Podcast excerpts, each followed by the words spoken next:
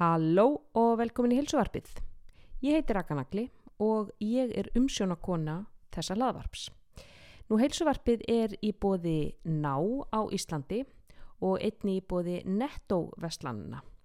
Mér langar að mæla sérstaklega með því að fólk hlaði niður samkaups appinu í símansinn en þar getur greitt fyrir innkaupin við kassan og þannig eignastu innegn í hvert skipti. Eins eða er afsláttur á ákveðnum vörum þá færð þú uh, innegn í formi þessa afsláttar. Á hverjum degi í desember er til dæmis mismunandi vörur á afslætti með appinu og hægt að gera mjög góð kaup á alls konar hotlustu innanum makkintossið og pipakökunar. Til dæmis vil ég nefna að 15. desember er 50% afsláttur, 5-0%, 50% afsláttur af klementínum og 17. desember er sama 50% afsláttur af eplum. Þannig að það munar svo sannlega um það í byttunni.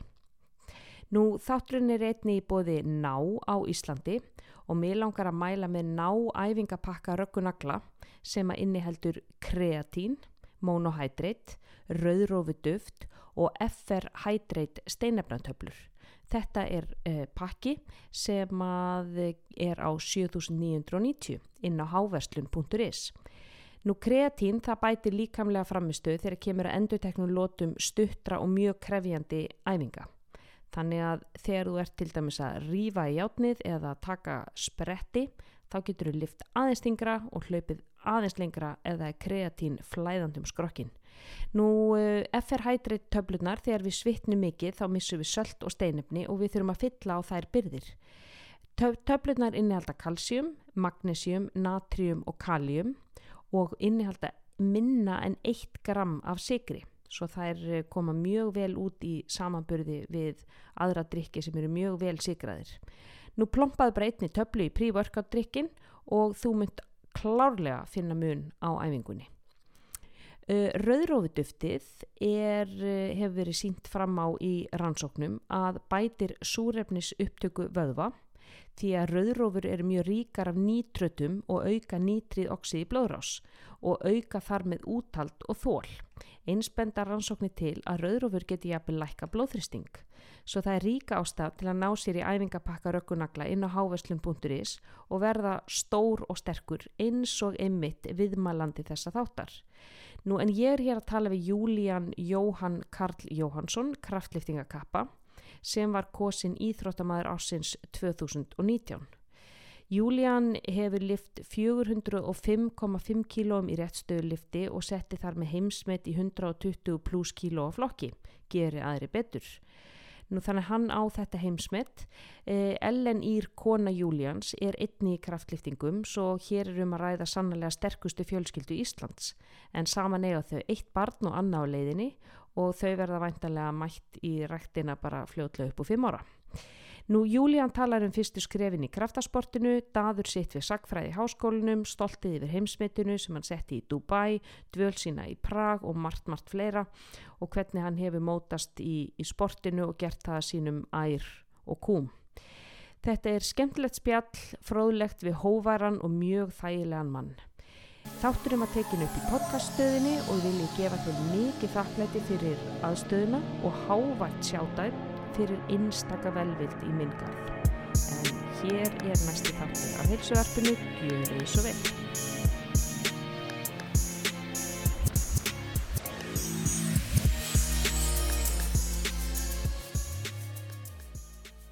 Jæja, velkomin í heilsuarpið. Takk fyrir. Júlían Jóhann Karl Jóhansson það þarf að vera svolítið veglegt nafn á svona veglegan mann það ekki? Jú, maður segja það. Já, heil þrjú nöfn. Já.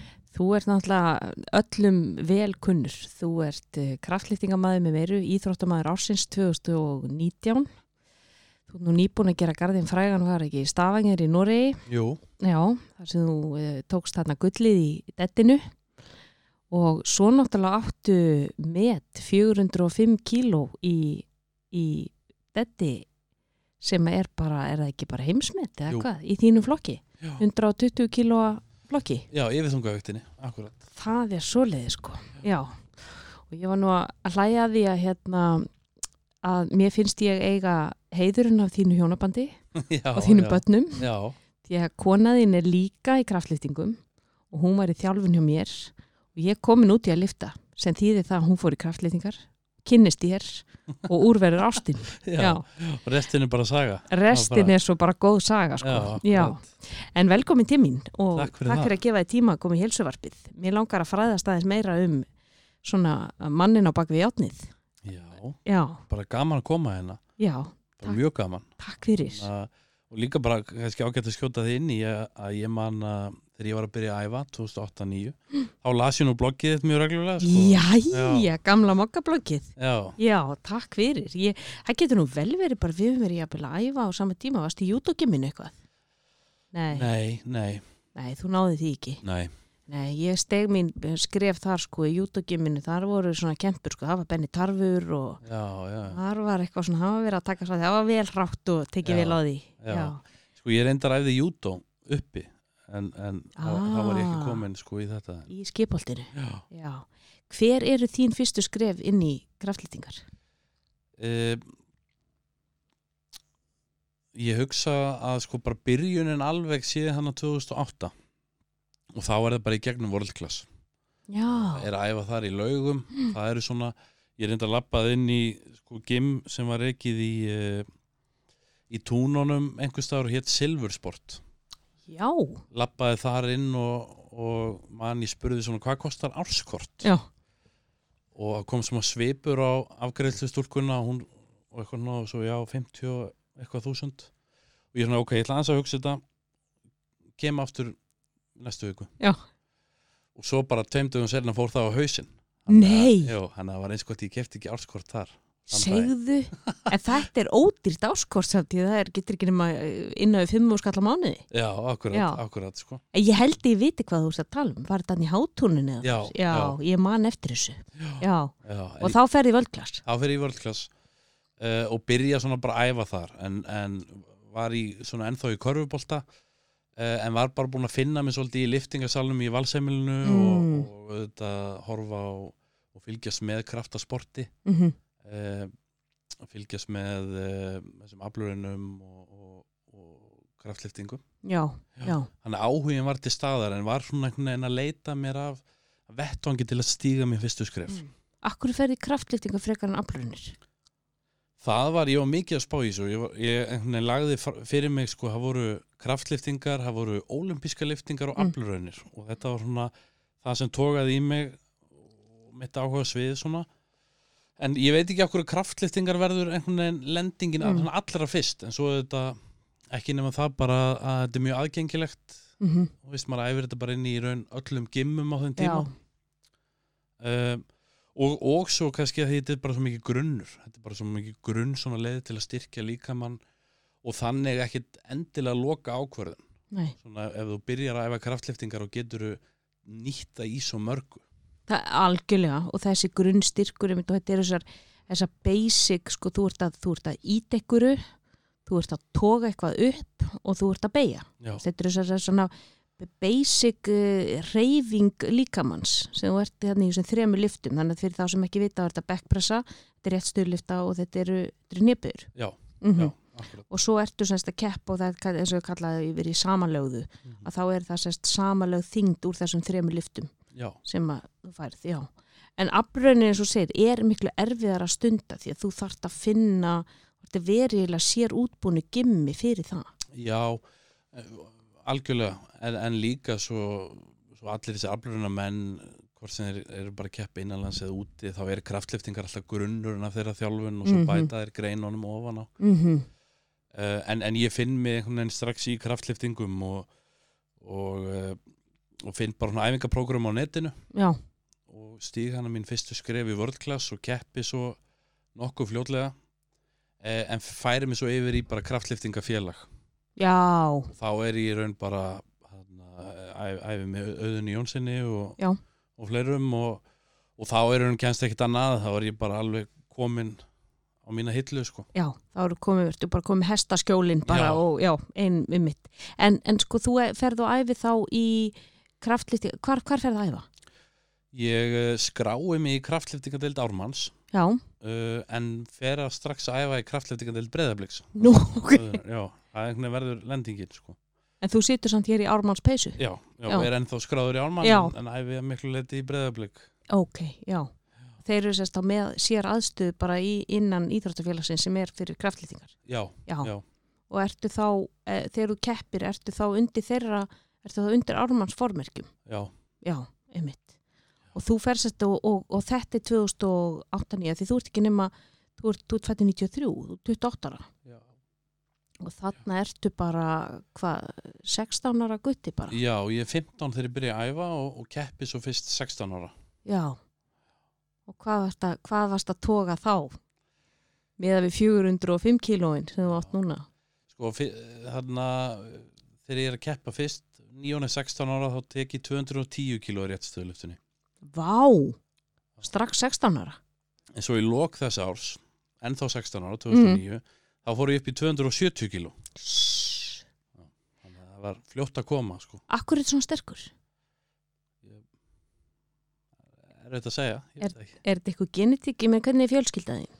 Þarna, mamma er nú mjög sterk sko hún, hún er alltaf, alltaf með grínið sko að hún hafi þurft að bera matabókana inn fyrir mig það hafi verið æfingin í því sko Já. Já. Uh, en, en það er ekkit, ekkit íþróttafólk þannig í fjölskyldunni en, en, en uh, bróðir mömmu var að lifta í gym meðal annars Mhm. og, og, og frændi minn og, og ég er alltaf horfið svolítið upp til þeirra þegar ég var yngri þeir Mhm. eru svona sterkir sko uh, og, já, ég veit það ekki. Bara, þetta, en, en ég finn það samt mjög fljótlega þetta ável við mig já. og, og, og mér líður svo vel eftir æfingar. Það var svo mikið líkilatrið hjá mér. Veist, ég kom úr körfuna sem ég var að hlaupa og eitthvað að hafa mjög gaman og góðu félagskapur.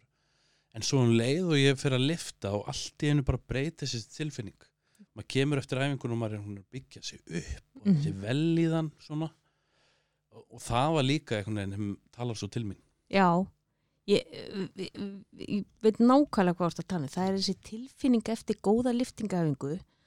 Hún er allt öðruvísi heldur en tilfinningin eftir að þú ferð og gerir eitthvað crossfit vott, þú veist, það sem þú ert að keira upp þóli og púlsinn þú, þú tilfinningin eftir liftingar er einhvern veginn, þú ert svo valdeldur og þú ert ekki sko þú sett þreyttur, þá er öðruvísi þreyttur. Mm þetta er veginn öðruvísi þreita í líkamann hún er einhvern veginn, mér finnst hún betur og mér finnst líkamann oft geta unni betur úr henni. Ég er oft svona hálfpartin á felgunni eftir eitthvað gott vott. Ég er svona tvei, þrjú tímar á eftir sem ég er svona bara, ah, þú veist já, sem maður er ekki eftir Já, einmitt. það reynir náttúrulega allt annað kerfi í, í líkamann Já, algjörlega, já, já. algjörlega. þannig að þú ferð sérst, bara fljótt finnur en er, hver verður þinn þjálfari og hver, þú veist, hvernig er, er það, þú ert með einhver online program Mhm, á netinu sem þú finnur bara eitthvað svona random mhm. en ferður svo ekki fljótt í það að fá eitthvað meira svona utanumhald og einstaklingsmiða þjálfun? Jú, sko, eh, ég er samt svolítið lengi bara sjálfur að púsla þessu saman en, en það sem ég bý vel að því að, að e, ég nýt sko leiðsagnar margra mm, og, og bæði í, í ármanni og svo í breyðablík e, ég er auðvitað að æfa með ég nefndi auðun og svo Haldur Eithórs og, og, og Fannar og, og svona gaurar eh, sem eru búin að keppa mjög lengi. Mm búin að vera á alls konar prógramum og, og ég þetta bara límið mig svolítið á þá og spyr og spyr og, og, og ber undir á hitt og þetta og, og það er kannski ég myndi segja að stór hluta af minni þjálfun fræðslu hafi komið þar bara. -hmm. en svo fæ ég þjálfara og, og svo svona eh, svo setna fæ ég erlendan þjálfara og alls konar í þessu sko. Já, þannig að þú byrjar á að fá íslenska þjálfara. Já, Já, já, mm og svo ferðu og ferðu fær erlenda þjálfara. Ertu ennþá með hann? nei. Nei. Ég hætt, hætti með honum uh, og svo er ég búin að sjá um þetta sjálfur undan nokkur ár. Mm. En er núna mögulega í, í viðræðum við þjálfara? Þannig að það er svona Já. kemur í ljós. Finnur það, þið, þið vanti svona meiri aðhald, frekar heldur en að gera þetta sjálfur? Já, ekkert endilega aðhald en bara svona breyta þess til. Já, já, maður, maður á það til náttúrulega að festa svolítið í sko, gera það sem maður er góður í já, og sleppa þessu sem maður er ekki eins góður í. Já. veist, ertu þar eða Nei, sko, ég er alveg, á, ég er alveg sammála þessu, ég er alveg á því að, að oft er það sko, leiðilegustu æfingarna Já. sem maður þarf mest að gera. Það. Er einhvern veginn spilast þannig veginn finnur þetta þannig. En, en, en það er líka bara einhvern veginn að gefa mig smá frí sjálfum. Já. ég fái bara svolítið verkefni dagsins. Það er svolítið það sem ég er að leita eftir. Akkurat. Það er líka einmitt fyrir þjálfara að vera með þjálfara því þú ert að prógramera kannski allan daginn fyrir einhvern annan að þú þurfir ekki að bæta því og ná að vera að prógramera fyrir sjálfa þig. Já, Já, einmitt. En sko einmitt, þú ert nefnilega með það sem heiti JK Power Mhm. þjálfun.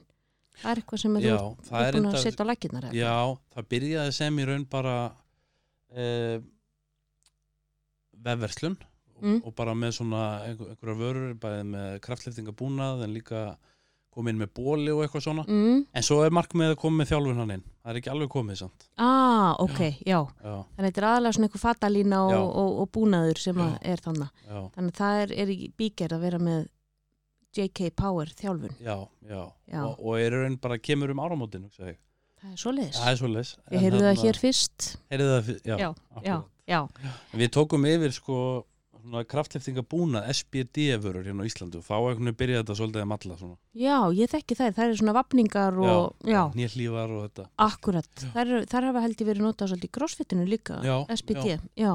já, Þetta er mjög góða vörur, akkurat. En núna eru þið tvö í heimili sem að stundi bæði kraftlýtingar. Sko, hvernig er að svona samþætta, þið eru með tvö börn, ekki? Er, Við, við erum með eitt strák og svo hefur við vona á stelpu núna í lokið hennar. það er svoleiðis. Þannig að þá verður þetta fjaramann heimili og foreldrarnir að stunda kraftlýtingar. Hvernig er matareikningurinn? Hann er, uh, Hann er hár. hann er hár, hann er það, já, já, alveg klárlega. Já.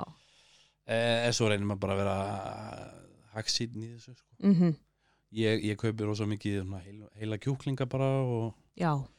Og fólalda-kjöt og eitthvað ódýrt svona. Mm -hmm. Já, já.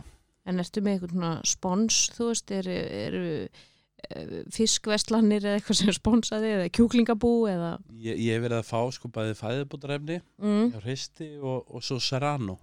Sem Já, ég get skotið á mig eftir æfingar. já, já, einmitt, einmitt. En það er náttúrulega því að vera að beita skynsum í, í innkaupum að því með það, það er náttúrulega bara þessi íþrótt krefst þess að það er að orku indagan er há. Já, hún er há. Og svo líka, auðvitað reynir maður að borða, ef maður er að borða þessum besta fæðu, Mm þá er þetta oft svolítið magn ef þú þarf til að fá þessar hittæningar. Já, að, þegar maður borðar reynt fæði, maður þarf að borða alveg gríðarlega mikið. Mm. Já, þegar þú getur fengið úr litlum pakningum svona þessum unnu vörum sem eru miklu hærri í hitaeiningum en þú vilt ekki endilega setja það, Nei, setja það í þig. Nei, en væri, þetta, þetta væri tölvört auðvelt, þetta væri bara livrapilsur og, eitthvað, þá varum maður fljótur, fljótur upp í þetta og Já, einmitt og það er líka ódýrt en, en sko, en líka eh, varðandi sko heimili, þú veist, hvernig forgámsaraðaru þú veist, heimili, JK Power æfingar, þetta er náttúrulega langar æfingar líka oft, þetta kvíli svo vel á milli þú veist, hvað er hver æfing, er hún þrýr tímar? Já, það er svona meðaltali, Mm, fara tveimur og upp í fjóra tíma, mm -hmm, eftir hversu stutt er í móti eða langt. mm uh, en, en það er alveg rétt en þetta er orðið svolítið púsluspil og en það sem gerist er að, að Bergur svo nú er eitthvað fæði semst í byrjun síðast árs. Mm, og svo skellur COVID á og í raun engin mót og svona. Þannig það í raun er ekki komið svo mikið reynsla á það bara ah, Þú veist, við höfum auðvitað æft allan tíman en, en til að byrja með var ég með æfingastöðu bara heima mm nýri kjallara sem var auðvitað, mjög þreytandi og mhm. meðilegt en það var líka svolítil bara blessun ef sagt, það verður sagt því við vorum í fæðingarólu með nýfætt bad og geta þá bara æft heima. Já, og varstu þá bara með stangir niðri í kjallara? Já, og, og þú veist, þú varst bara, og ég meina varstu með nóga loðaplötum já ég fekk ég var með ég var með 360 kíló á lóðum. Já, já, góðan ég var fær í flestan sjó. Það er svoleiðis. Já, Og þú það verið með rekka og já, já, og bekk og allan pakkan. Ok, þannig að gast tekið þessar, þessar liftur og, já, en var lofthæðin nóg, gastu pressað nei, Yfir höfuð? ég gatt Nei. pressaði við sett, satt á gólfinu bara. Já, Það var, ok, þú tókst bara sitjandi pressu, Já, bara eina military. Já, já. svolítið henni mm og svo er svona, ef það var mikill fílingur og gott veður þá, þá fór ég út með stöngina og svona nágrunum mínum til mikla gleði. Já, einmitt. það lukku.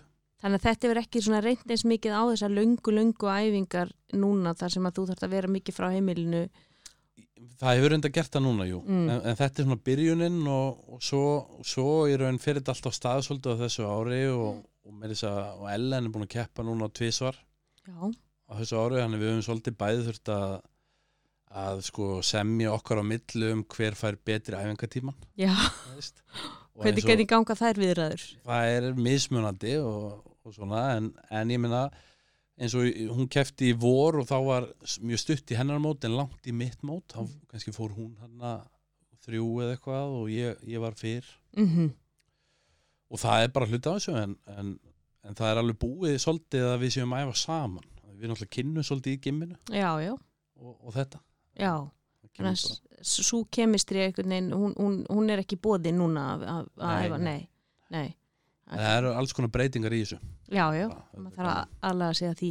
En þú segist að uh, þú keppi núna í Stavanger í Nóri bara um, var ekki bara um síðustu helgi eða þar bara Já, síðustu helgi já, tekur hann gullvelun í, í dettinu. Uh, þú segir hann í ykkurum Instagram posti og hefðir, varst með vindin í fangið. Hvað áttu við með því? Ég, ég er raun ávið uh, það að ég kem inn í þetta mót að ég keppi í lók sumars og það var fyrsta alþjóðlega mótið í tvö ár eftir þetta Mm -hmm. uh, og, og þetta er svo, þetta svo skrítin tími að að undir eðlilegum kringustæðum þá hefði ég vilja, vilja fá svona 16, lágmarki 16 hreinar vikur í undirbúning fyrir þetta mót en að því ég kepp á þessu móti hann í lóksumars þá verði þetta 11 vikur mm. og ég er næ aldrei að kvíla með eftir það mót heldur beint inn í undirbúningu þetta mót þannig ég kem svolítið, ég mæti þreyttur á það mót Mm. og keiri svo bara áfram á þreytunni og ég einhvern veginn fann, mér fannst ég vera einhvern veginn að ná að stíga upp fyrir þetta Mm -hmm. en svo lendi ég bara svolítið á vegg í fyrstu lifta á þessu móti uh, og það er svolítið það sem ég á við með vindin í fangi því að ég, ég raun mæti bara þreyttur Já. Sem er svo sérstakt að því er, ég er ekki búin að keppa mikið en að því þessi móti eru svona þétt Mhm. og þetta eru tvö ára af, af svona undirbúin hverju mót sem eru svo ekki haldinn og hún er, alltaf í einhverju millikabla. Mm þá er þetta svona en, en ég, ég er mjög bjart sín núna þetta sé svona að sé þetta fara stíl inn á alvöru mót og með réttan undirbúning. Uh, og ég er líka eins og ég saði reyndar í þessum postið að, að ég er ótrúlega ánað með bara þetta ára að koma út úr þessu svolítið að lenda á fótunum Mm. og, og þetta en það er bara svo mikilvægt að, að hitta á hann undirbúning Undibúningurinn, g- hvernig er hann? Veist, hvernig er réttur undibúning? Þú segir mér, allt búið í lausu lofti í COVID, veist, er ég að fara að keppa, er ég ekki að fara að keppa, ég er að undibúa, ég er samt ekki að undibúa. Sko, hvernig lítur, uh, líta vikurnar út hjá kraftliftingamanni sem að er að fara að keppa eftir, segjum, fjóra vikur? Hvernig er, hve- hvernig er það, sko, undibúa eða svona að, til að toppa þig á mótinu? mm ef það eru fjóra vikur í mót þá ertu í raun bara eiginlega komin inn í loka kaplan Mm. undirbúningi uh, svona hefðbundin svona gróft á litið er þetta uh, kannski 14 vikur á hreinum undirbúningi og, og kannski þrýr svona þrýr fasar, þú ert í grunntímabili það sem ert að vinna í svona kannski flestum endutekningum en leggstu þingdunum, þannig að þú, þú ert með með uh, ákefð sem, sem markar þingdinar og, og svo magn eða voljum og það er með mikið voljum Já. en, en lit, litlar þingdir Já, Um þú sérst að lifta kannski 12 reps eða eitthvað með minni þingdi, þau eru kannski farið ekki einu svona að fara svo hátt. Nei, nei, ég fyrir 5 reps. Já, ok, Bara fimm fimm sinnum 5 það, það, já, ok. Já, það er þetta voljum hjá mér. Uh, en er þetta auðvitað alltaf þungt og svona. Uh, en svo, svo í raun lækkar alltaf repsin Já. endurtegninginar því nær sem hún kemur móti og hækkar þingdinar akkurat Já, uh, en þrýr kablar, það er þessi grunnur og svo er það einhver millikabli það sem úr svona aðeins að færa snæri þessu og svo er það bara toppar eða, eða, eða þannig. Já, og þú þarft eiginlega stílin á það að þú toppir þá á á sjálfu mót. mótinu. já, já, já. takið þá mestu þingdina þar. Akkurat. Segðu mér eitt, þetta er á sokkanum já. Já. og þú ert líka oft mjög svona skrautlega klættur svona í rauðum gammosjum og grænum og já, já, já, þú ert svona svolítið eins og hérna jólálfur já, já, maður segir já, það. En sko einmitt, að detta á sokkunum það er eitthvað, það er eitthvað jarðtenging þarna, ég verð alltaf að detta á sokkunum. Já, Já. sumi farið svona einhverja kínaskó já, ég hef reyndar gert það á mótum sko. já, við þurfum að vera í þeim á mótum en, uh, en, en á æfingum alltaf sokkunum. Já, já, já. og allt, alltaf þetta einmitt að grunnurinn er að maður vill vera sem næst jörðunni já, lifta sem stiðist upp. En svo líka þetta bara einmitt að þú segir þessi jarðtrenging og sért á föstu undirlægi ekki í Mhm. einhverju svampaskóm eða eitthvað svona. Já og fá rétt álaga á sko hrygg og bak og og til að vera bara á, sko ég fyrir stundu bara úr sokkunum, eða bara tannum já, það er bara til þess að sko virkja tætnar líka niður sko fá þær til þess að grípa gólfið og, og svona, Mhm. Em, fólk missir þetta, ég mynd, maður sé fólk sko þetta í bara hérna hlaupaskólum sko, Já. Asics hlaupaskólum Einmitt. það Mm. er náttúrulega mistök nummer eitt í, í þessu að, að maður sér þetta einmitt og körfuboltaskom taka hnébæður eða rétt stöðluftur Mhm. í, í svona það sem eru loftbúðar undir já, eh, eh, á ekki að gera þetta. A- allra vest bara, já, helst að vera á bara sokkum og ég vil segja bara, taktu fótatak bara á sokkum eða tám. Já, já, já, akkurat. En þú veist, ferðu einhver tíman í gimmið og þú veist, ferðu einhver tíman inn í völdklass og tekur bara fótapressu og, og þú veist, ertu bara í þessu, já, já já, ég hef ekki farið í world class bara ekki síðan hann á 2008 Nei, liggum við ekki, Nei. sko. Ég bara, ég, hef verið bara flutt inn í þennan heim, bara kraftliftingafélagið og, mm.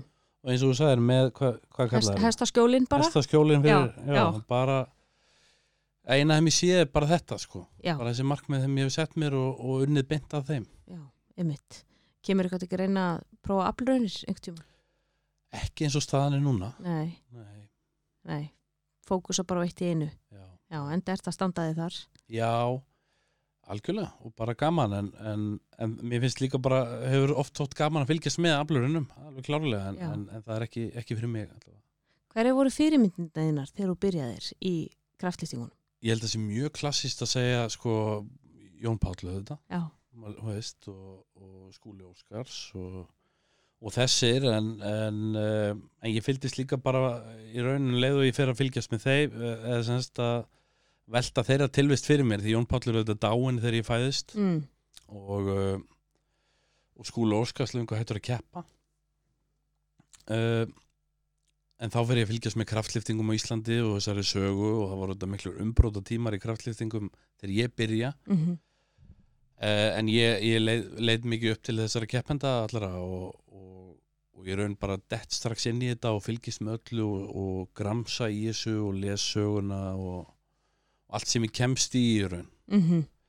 Þarna ég ligg á blogginu þínu meðal annars og bara allt sem ég Ég er að þeir rosalegum hópi. Það Já. er sérst út að lesa mig og svo Jón Pál Já. og Skúla Óskars. Já. Þetta eru svaka kempur. Já, en áhugin var svo mikill. Það var bara allt sem veginn Allt sem við kom líkamsarækt og, og reyfingu og allt sem þú drekku bara í þig á þessum tíma. Akkurat. Já, já, þetta verður verður líka þannig þegar maður er svona heldtekin af einhverju og bara sekkum að þessi alveg ólinn, já. En í dag, svona sko sínileiki kraftliftinga í dag, veist, finnst þér að mætti, hvernig finnst þér að mætti bæta hann? Ég held að uh, það, sé margt sem búið að ganga mjög vel og, og margt sem hefur batnað mikið og, og aðgengi hefur batnað og, og það eru kraftleftingafélög í raun allan ringin í kringum landið. Mm -hmm. Ég held að, að kannski nummer eitt viðfangsefni næstu árin sé að auka í þjálfarahópin. Já, Þannig að það sé kannski meira aðgengi fólks að, að þjálfara í hverju félagi.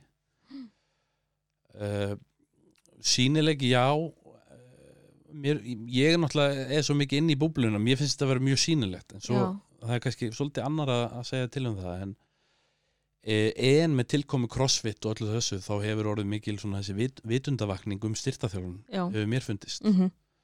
uh, og eldra fólk farið að lifta Mm uh, og það hefur svolítið átt að segja á því að þetta er ekki bara fyrir kraftliftingafólk eða vakstarættafólk eða eitthvað þetta er, þetta er að hafa allir gott að lifta Mhm. uh, sama hvort þeir eru fyrir aðrar íþróttir eða bara fyrir lífið sjálft. Mm þannig mér finnst það að hafa batnað mikið og einhvern veginn svolítið svona uh, einhvern veginn allt annað orð á liftingum finnst mér. Já, ég er alveg samanlega því það er allt annað orð á og sko það sem einmitt crossfit hefur gert hefur verið að íta undir olimpíska liftingar mm -hmm. hefur ítt undir kraftliftingar þeir eru líka íta í raun undir afraunir því að þeir eru líka að nota svona þessi þessi svona uh, odd object eins og þau kalla, þú veist, þeir eru að lifta sandpókum og þú veist, þeir eru ekki bara í lóðum eða, eða, eða bjöllum þannig að það hefur svona færst kannski mitt svona aðtigli yfir á þessar greinar samhliða. Já. og þau með það sem að crossfit hefur líka gert er að normalisera liftingar fyrir konur.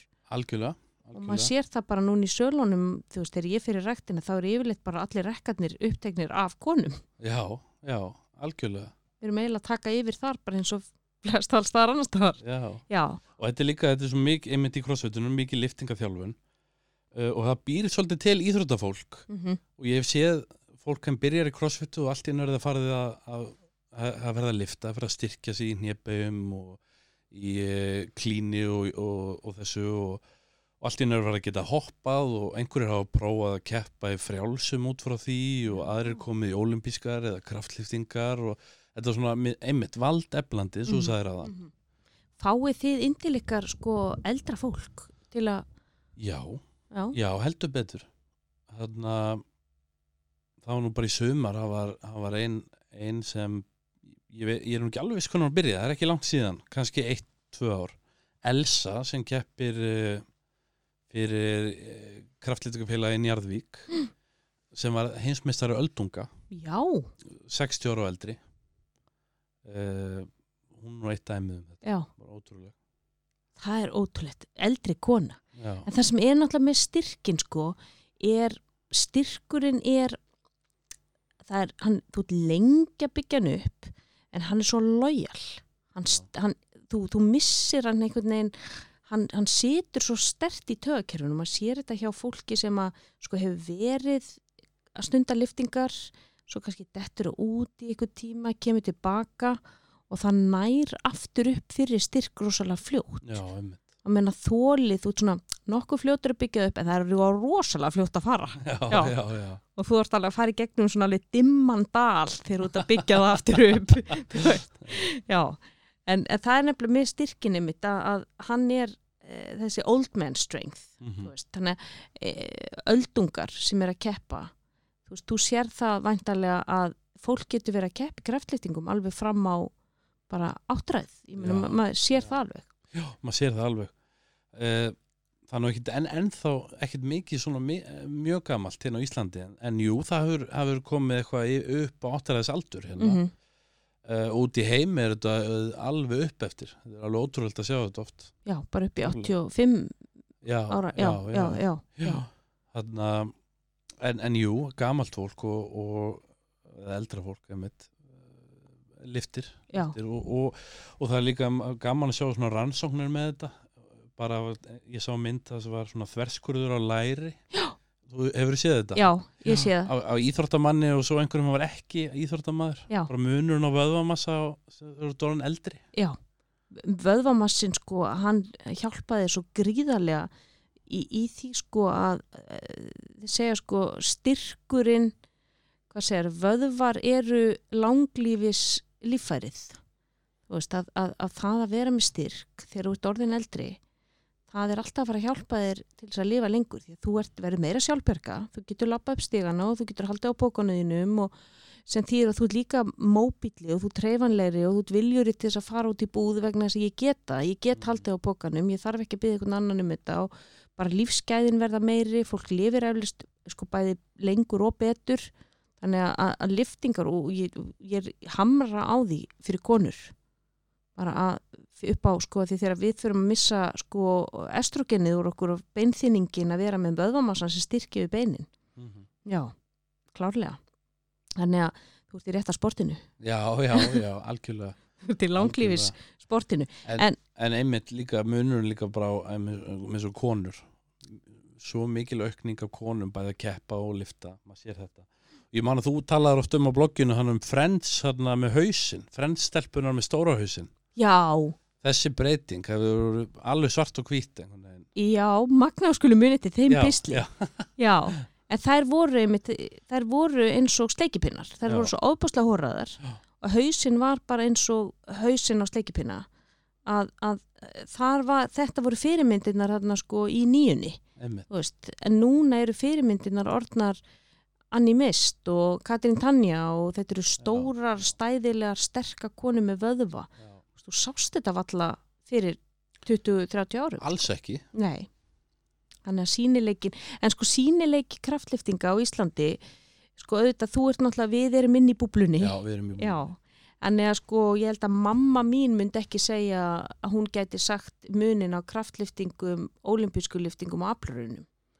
Þannig að ég er að- að velta fyrir mig hvernig er hægt, hvernig að þínum að þið hægt að auka svona sínileika kraftliftinga væri það með meiri umfjöllunum en þú náttúrulega vinnur þarna 2019 Mhm. sem íþróttamæður ásins sem að sko hlýtur að vekja mikla antikli á kraftliftingum hvaða, hvað gildi hafði þetta fyrir, finnst þið sporti bara í heldinu og ég muni í talinu ekki um bara því sjálfan sko, eh, já, ég held að þetta hafi verið mikil viðurkenning fyrir sportið mm -hmm. uh, og það voru margir sem sagði þetta myndi aldrei gerast Mhm. aftur uh, að, að því þetta eru þetta jaðar íþrótt Já.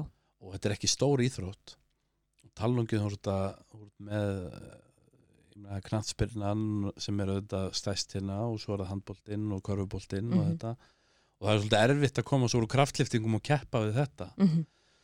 en ég meina þetta er gríðarlega viðurkenning fyrir íþróttina og, og allt þetta starf sem er unnið hérna í þessu og, og auðvitað hefur þetta þau áhrif að, að þetta færi svona aðeins nær einhver, einhverju almannavitund Mhm. þetta er auðvitað ennþá ennþá jaðar íþrótt og lítil jaðar íþrótt en þetta er svona aðeins nær held ég ég held Mhm. þetta hafi, hafi verið skref fram á við klárlega. Mhm. fyrir mig persónlega var þetta auðvitað risastort og Hvernig, hvernig er líðaninn að taka við? Hvernig er líðaninn þegar þú færð að vita það að þú sitt orðin íþróttamæður ásins það var mjög. Já. það var bara hann í salnum. Nú það var bara, Já, já, ég vissi ekkert af þessu. Ó þú vissir ekki af þessu fyrirfram. Nei, ég var búin að skrifa ræðu en ég vissi ekkert af þessu. Ég, en þú náttúrulega vissi, að því þú tilnefndur. Já, já, ég vissi ég væri í topp 10 já.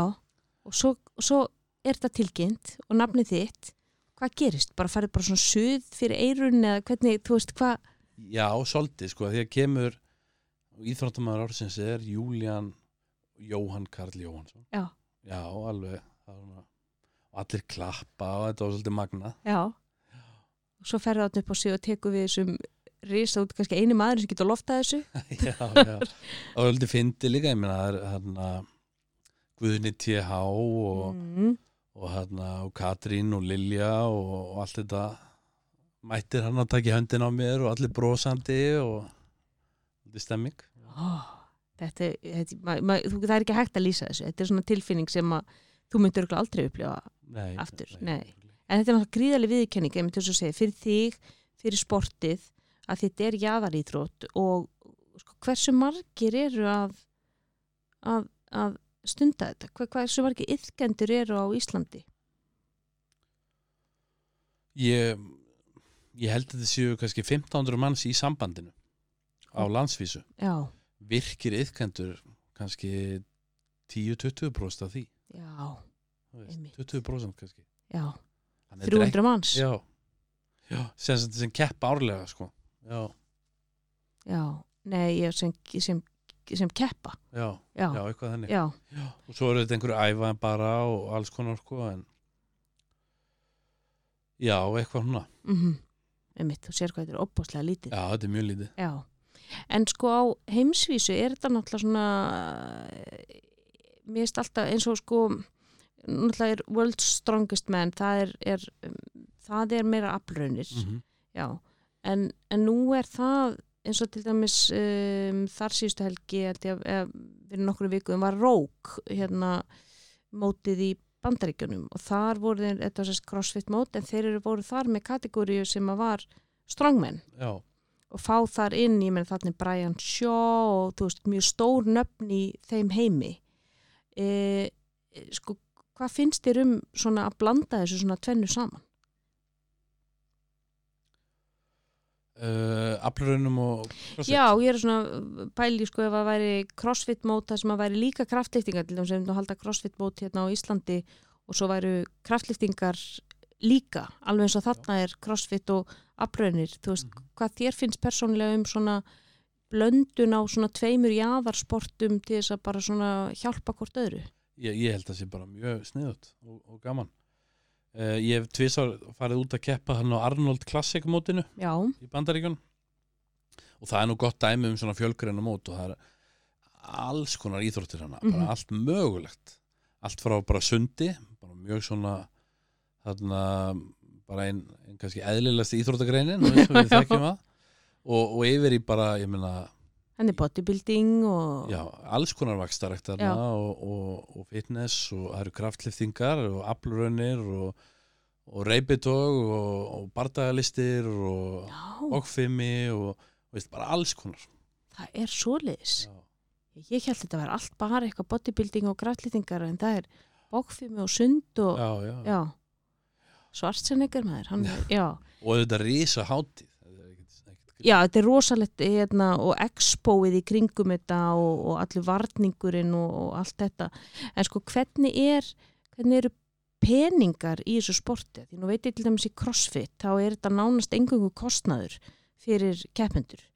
Velunaféð er það er ef þú ert eh, ef þú ert í topp þrjú þá færðu einhvern, einhvern pening en, en allt fyrir neðan og ert svona einhverju svona amatör leveli þá er þetta ránast engungu bara útlæðu kostnaður Mhm. hvernig er svona með velunafjö og, og, og pening og kostun í kraftlýftingum? hann er að einhverju leiti bara svipað og lýsir hann í crossfittunum nema að það eru er svona verðluna fyrir Mm. það er mikill kostnaður Ok. en, þarna, en munurinn er líka sá er að við erum innan eh, eins og ISI hérna heima og Olimpíusambands Olimpíu nefndarinnar úti. Þannig að það er svolítið munur á milli landa.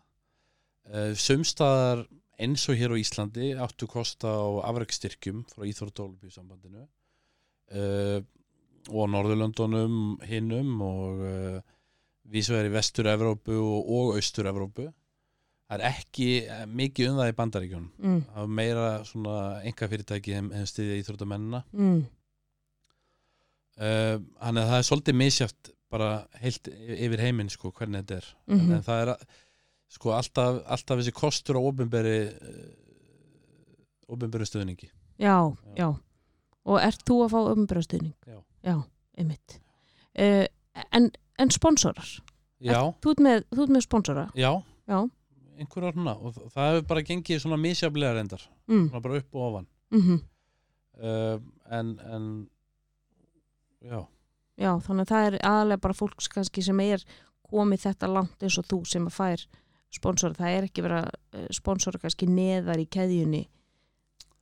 nei nei, það er, já, ég myndi segja að væri kannski já, þessir efstu sko Mm. Mm. Snúum okkur aðeins að þér, Júlíán. Hvað ólst upp? Ég er alveg upp í uh, Norðumýri, Já, uh, bara í miðbænum. þú ert bara miðbæður átta. Já, gengi í Östubæðaskóla í tíu ár og, og, og fer svo í mentaskóla við Hamralið. Já, Bara mið, miðbæða líf þannig. já. Þú bara ferð þarna yfir miklubreytina í, í MH og Já, já, útskrifast þaðan uh, og hvað gerist svo? svo byrja ég í uh, sagfræði upp í háskóla. Já, Tek tvö ár þar í bíanámi og, og hætti svo eftir það. kendi Guði niður. Já. Já. Já, Mundan eftir þér hann upp á sviði? já, já. Já, já, já. já. Þannig að ég var nú bara í einum áfanga hjá honum en, en hann myndi eftir mér og við heilsumst alltaf eftir það sko. Já, ég geti trúa því. Hann er rúglega manglöku maður. Já, já, og, Já. og góðu maður held ég. Já. Þannig að þú tekur tvö ári í sakfræði Já. og hvað? Var það bara ekki...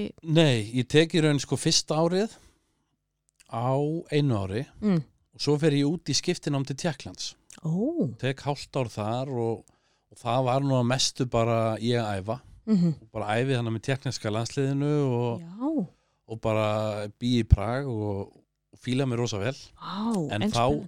Já, þá fjara svolítið undan skólanum og, og svo er ég bara, svo er ég þrjú ár með næsta hálfa ár í sakfræði.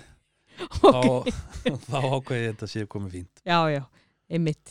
Þegar maður er í þrjú ár með sex mánuða nám, þá, er þetta- þá er áhugin ekki alveg til staðar. einmitt, einmitt. Já, þannig að varstu þá meira í gimminu heldur en á bókusafni. Já, miklu, Já. miklu meira Já, Já, já og, og fór hann með þeim eitthvað var að hana, fylgjast með mótum og, og eldi þá eitthvað á einhver mót og svona eitthvað þá hverja?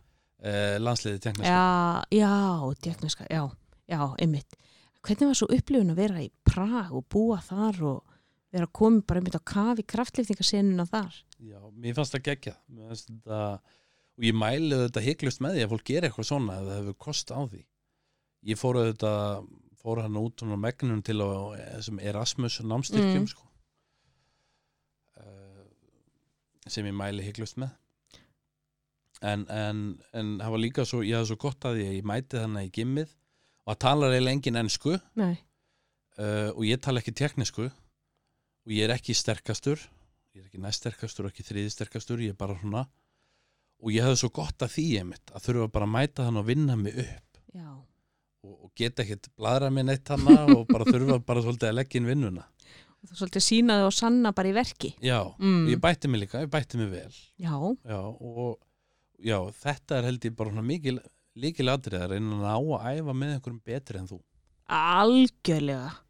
Það er, það, sko, ég átti æfingafélag sem að heitir Jóhanna Eyvins, já, sjátt átt á Jóhannu Eyvins. já, sem að hún var nú sterkasta kona Íslands 2012 við æfðum saman lengi og ég sagði þetta var sko að því að hún náttúrulega, ég átti aldrei séns í sko, ég var ekki eins og í, ég var ekki eins og í 30% af þingtónum minnar en að því að hún var svo rosalega sterk.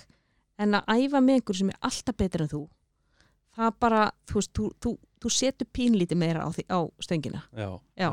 Þetta er svolítið eins og með hana gullfiskana og búrin hana. þú verður aldrei stærri en búrið eitt leifið er að verða Mm. svolítið, mm ég held að Emmitt.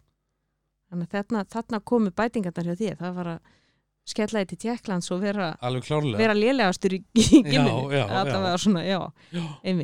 En, en sko, akkur í Tjekkland? Var það var bara, ég, nein, það var einhver útilókunar aðferð, ég fann einhverja skóla sem voru með eitthvað sem ég gætt farið í sko Mm, og svo uh, útilókaði ég þá sem voru langt frá sem sagt, einhverju góðum kraftlýtingarklúbi mm, svo náttúrulega var ég eftir, ekkert með svo marga eftir bara það sem- var góður klúbur og þá fann ég sterkasta klúbin og hann var þarna veginn þarna og eitthvað, en, en Tjekkland líka bara höfðaði svolítið til mín. Svona, mér fannst mjög spennandi að fara eitthvað Östur-Evrópu Mm. einhverja þannig pælingar er kraftlýftingasenan þar ekki líka svolítið stór? Eða, Jú, hún er mikið stærri en, en uh, í Vestur-Evrópu. Já, maður fær það á tilfinninguna í með það líka það er svo margar æfingar sko, Bulgarian split squats Russian twist Já, það eru margar já, já. æfingar sem að sko eiga rætir sínar að rekja veist, og heita bara eftir austurafrömsku löndum. Algjörlega.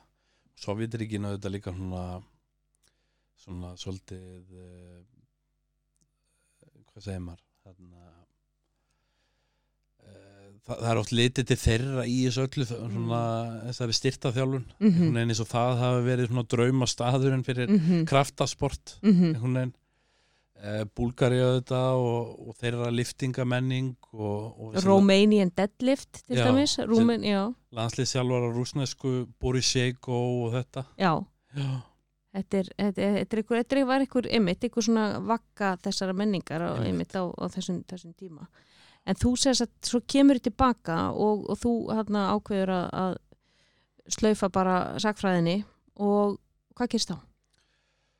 uh, þá erum bara er ég eitthvað að bara æfa, ég held ég sé bara að æfa.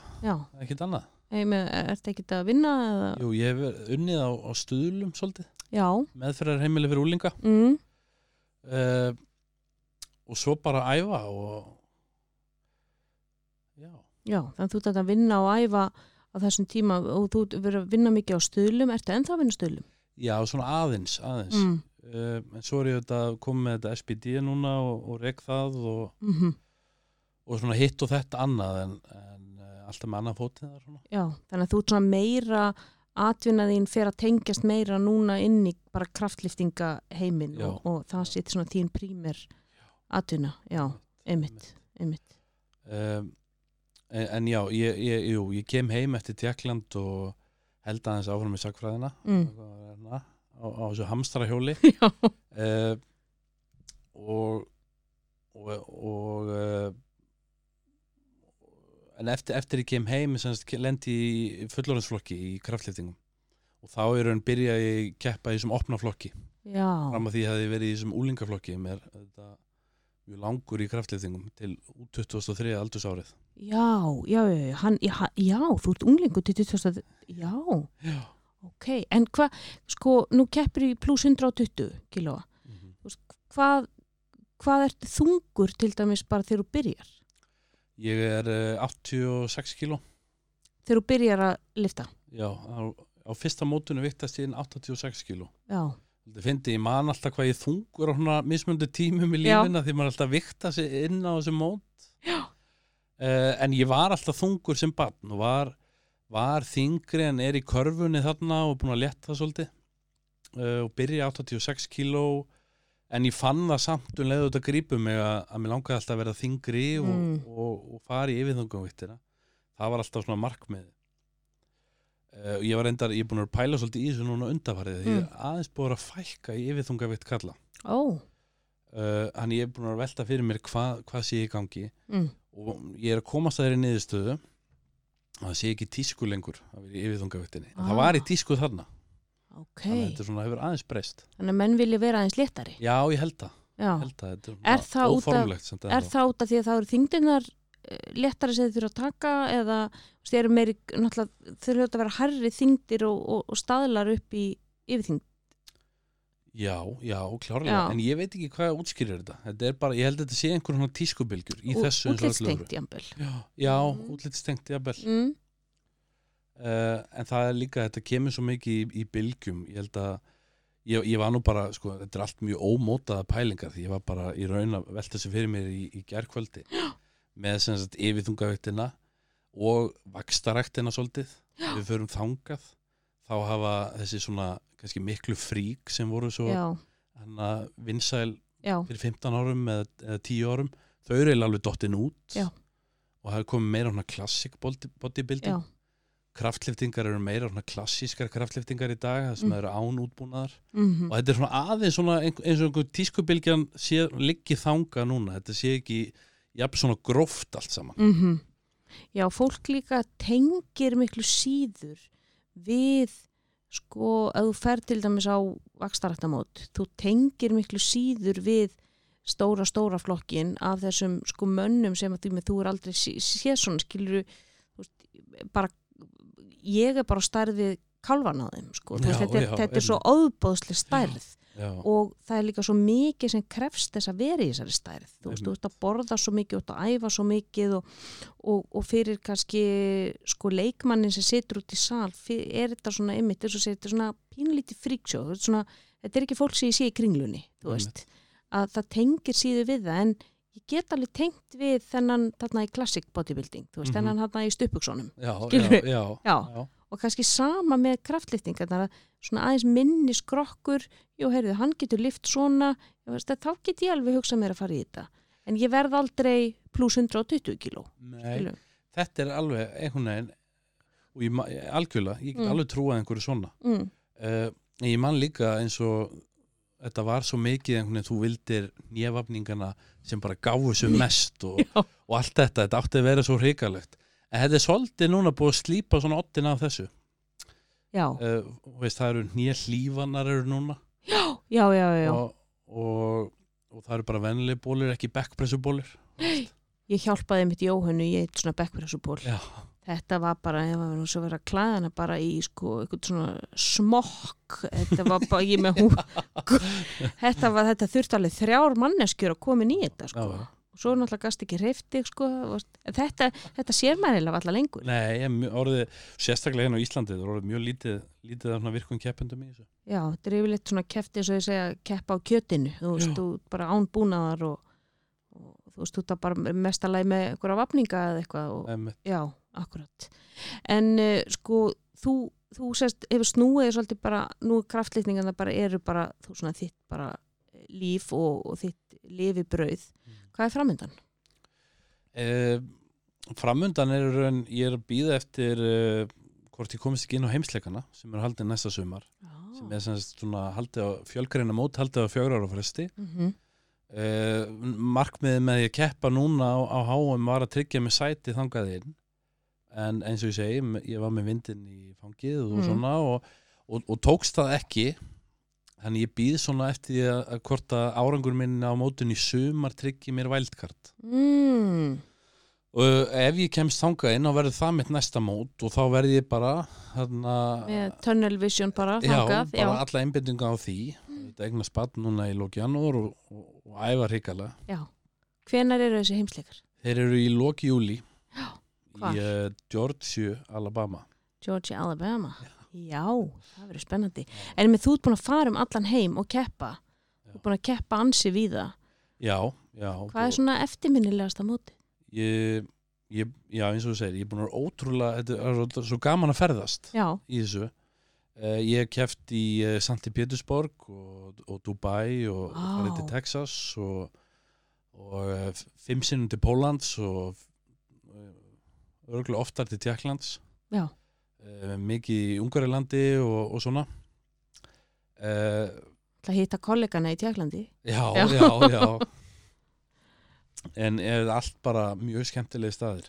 Finnst Texas alveg geggja það er einhvern veginn svona veist, þessi stemmi kúrikahatturinn ég kefti mig kúrikahatt já, og stígvél nei, ekki nei. en kúrikahattin og, og Rúslandu þetta það var Já. mjög gaman Dubai. Það var geggjað, geggjað. Dubai er ykkur þetta er skrítnasti staði sem ég er komin á. Já, það er svona svona kontrastar að því að sjá sko bara nánast bara sko þrælahald fyrir framan augunaður og svo demants eh, á einhverjum bíl og eitthvað svona, já veist, eitthvað svona nei, hann að gull hambúrgara já, Já, eitthvað svona, eitthvað svona algjört rugl sko, Já. En uh, já, þann, en hver var svona sætasti sigurinn? Eh, sko, Dubai Mm, þá lendi ég í þriðasæti mm, og það, það, var, það var mjög sætt. Uh, og, og bæti heimsmeti í rétt stöðlutu uh, upp í 405,5 kíló. Já, Já, og, og, og þá í kjölfarið fæði ég hérna, íþróttumæður ársins. Það er í kjölfarið Já. því já, þú, þú bætir hérna þetta, þú ert áttsest heimsmet sem að er International Powerlifting eitthvað IPC, það ekki? IPF E já. IPF, já, Já. einmitt, Federation já, þannig að það er viðkjönt sem bara heimsmeti Já. þannig að það er sætast Já. það er sem stendur upp úr já. Júlían, þú ert alveg sko kall í krabbinu og veist það náttúrulega en uh, bara búið að frábært að fá þig og heyra um þig og alls konar skemmtilega sögur og uh, við náttúrulega fylgjast vel með JK Power og þegar það fyrir á laginnar og svo kemur nýr erfingi. Það er náttúrulega hlýtur að vera bara ein leið fyrir þessi tvö börn að fara. Já, það kemur í ljós. Já, ertu ekki bara með einhver lítil, lítil lóð þarna niðri sem að sem að þau uh, fá að, fá að rífi í? Já, alveg klárlega Já, það þarf að, þarf að venja þetta við. En eins og ég segi, ég eh, þakka þér alveg kærlega fyrir komuna og til ykkur hlustendur góður, takk kærlega fyrir að hlusta á heilsuvarpið og þangt til næst, verið bless. takk fyrir mig